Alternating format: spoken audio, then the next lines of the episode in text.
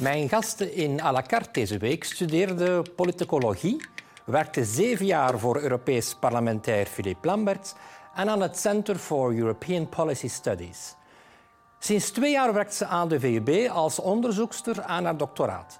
Louise Knops bestudeert het knooppunt van emoties en politiek en verontwaardiging als motor van maatschappelijke verandering. Wat denkt u nu van Brussel? Is Brussel een helhol? Lukt er niets in Brussel? Hoe gaat het nu met Brussel? Goed of slecht? Gaan we nu vooruit of achteruit? Een stad waar te veel auto's zijn? Of zijn de fietsers te arrogant? Wilt u er komen wonen of willen jullie juist weg? Louise Knops, hallo. Als gast bij à la carte. U werkt aan een doctoraat aan de VUB. Waarover gaat dat doctoraat? Ja, goedenavond. Um, ja, mijn doctoraat gaat over um, emoties en politiek. Um, ik heb voor de twee voorlopige jaren over uh, verontwaardiging gewerkt. Mm -hmm. Ik heb geprobeerd uh, te begrijpen mm -hmm. wat zijn de, de emoties eigenlijk binnen de kloof tussen burgers en, en uh, politicus. Mm. Bijvoorbeeld. Ja, dat is iets waar niet zo vaak over gesproken wordt, over uh, emoties. Uh, wat men in het Frans noemt uh, het affect eigenlijk, dus de ja. gemoedstemmingen en de invloed die die hebben op politiek. Dat moet u mij toch nog eens een beetje uitleggen. Ja, dat is waar. Dus emoties waren niet centraal in politi politieke wetenschappen ja. eigenlijk.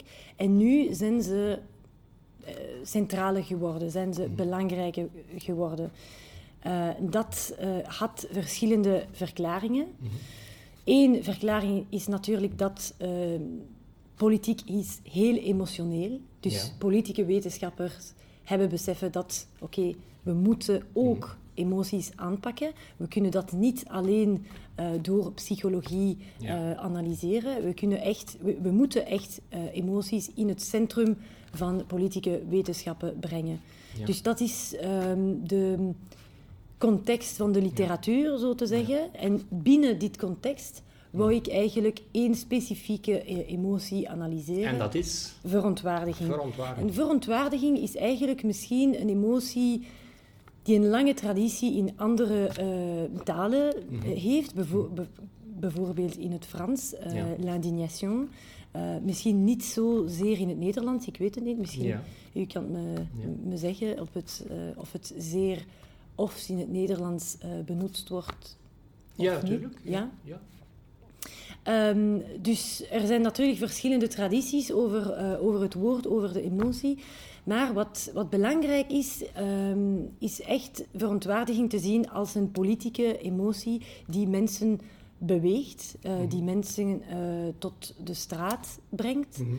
Um, maar ook die nieuwe lijnen van uh, conflict toont. Ja. En dat is um, nieuw, want verontwaardiging is er altijd geweest. Mensen ja. zijn altijd kwaad geweest. En waarom is dat dan nu zo belangrijk? Is dat iets iets dat, dat vroeger minder aanwezig was? Ik denk het niet. Ik denk, het, uh, er was immer veel verontwaardiging. Mm. Uh, ik denk wat nu uh, het geval is, het is heel expliciet. Het is overal. Het is overal op socia sociale media, ja. bijvoorbeeld. Het is overal op straat. Maar natuurlijk is verontwaardiging een zeer oude emotie. Mm. er is ook ja, het is een e-, oude emotie. Het is niet nieuw per se. Ja. Uh, wat nieuw is, is misschien de hegemonie van uh, verontwaardiging. Dat is verontwaardiging echt een emotionele uitdrukking die overal. Ja. Men uh, heeft soms het wordt. gevoel dat de verontwaardiging. dat iedereen verontwaardigd is. Ja? Dat je bewegingen hebt. Black Lives Matter of de Gilets jaunes of de klimaatactivisten en nog vele anderen, dat iedereen eigenlijk verontwaardigd is. Dat is toch wel merkwaardig. Ab absoluut, absoluut. En, en, dat was ook een, een reden waarom ik wou uh, verontwaardiging analyseren. Um, maar ik zal zeggen, er is natuurlijk een verschil tussen de, ver de, verontwaardiging die we zien uh, elke dag op social media ja. en, en dan verontwaardiging die misschien ook historische, structurele um, um, origine hebben. Ja. Uh, en die ook tot structurele en historische ongelijkheden uh, ook uh, tekenen.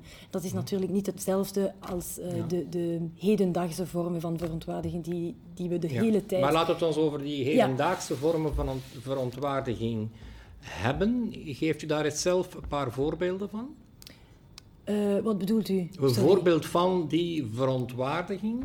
Die we, die we nu zien? Die we nu zien op straat of op social media. Oké, ja, er, uh, er, waren natuurlijk zeer duidelijke voorbeelden in de voorlopige jaren van bewegingen die, ze, die zeer verontwaardigd waren met zeer verontwaardige uh, burgers. De gele hesjes, de klimaatspijbelaars, de Black Lives Matter enzovoort. Maar er zijn ook... Um, andere vormen van uh, verontwaardiging op social media die misschien niet tot uh, bewegingen uh, leiden. Mm -hmm.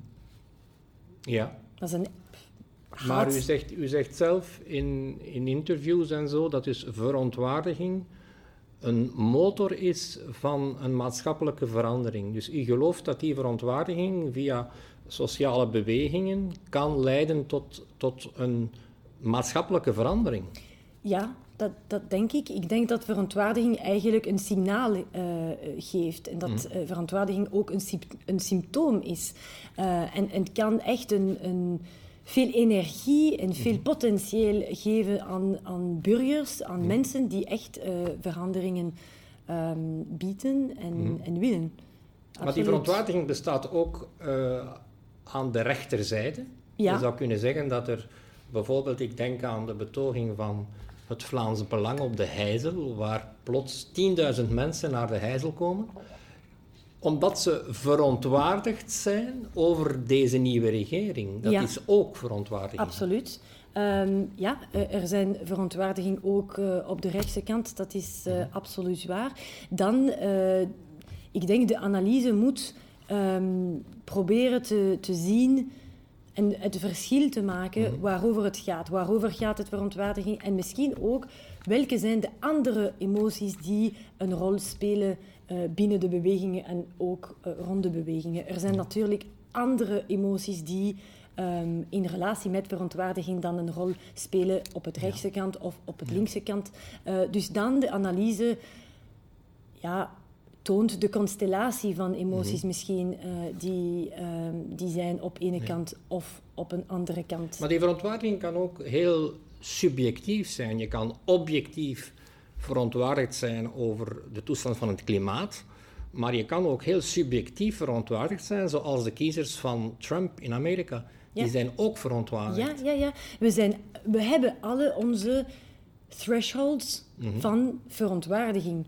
We, we hebben alle onze leven, onze ervaringen die op één moment misschien een verontwaardiging um, triggered. Ja, ja. ja uh, dus het is natuurlijk een zeer uh, sociale uh, emotie ook.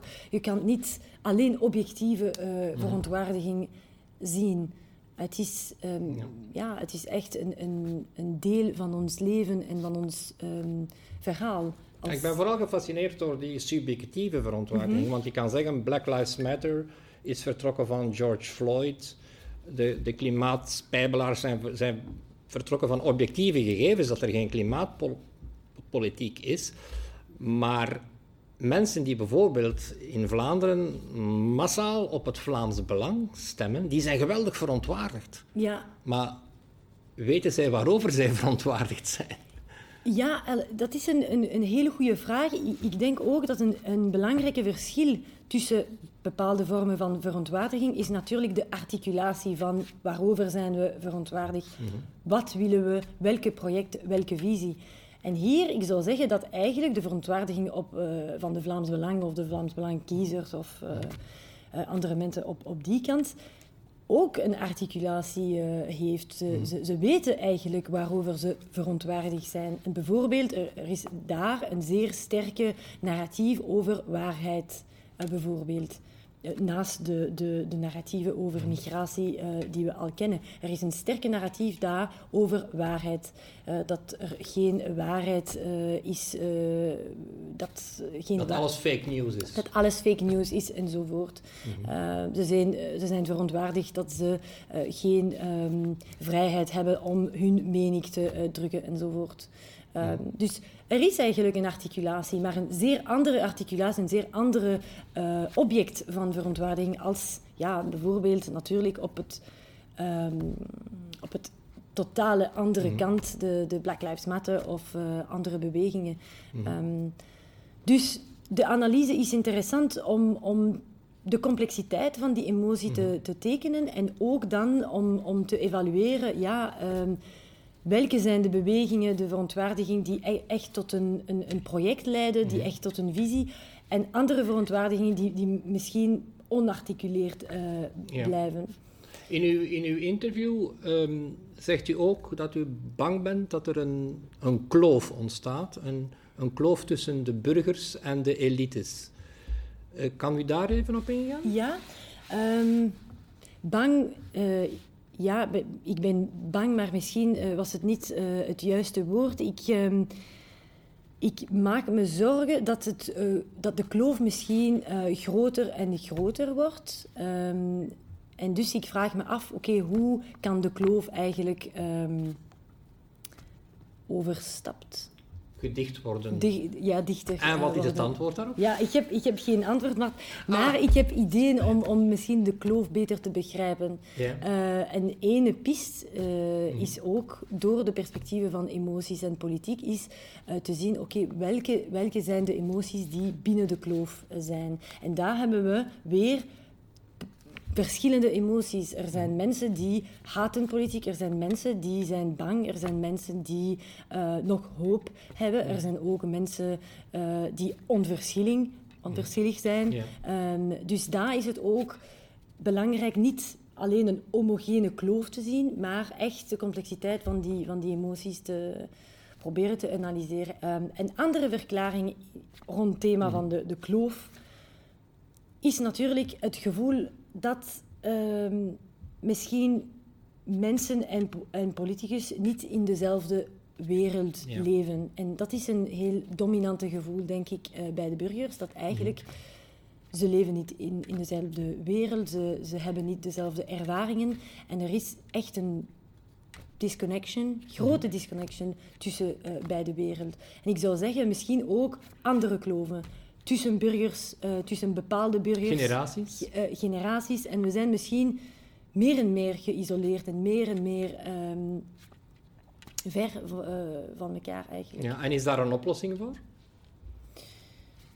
Ik denk dat... Um, ik heb geen oplossing. Het is, het is natuurlijk heel moeilijk om een, een, oplossing um, te vinden. Maar Um, een, een, piste natuurlijk is proberen te denken waar we een beetje meer collectiviteit, een beetje meer uh, gemeenschap uh, weer creëren kunnen. Mm uh, welke zijn de sectoren, welke zijn de plaatsen waar we echt een,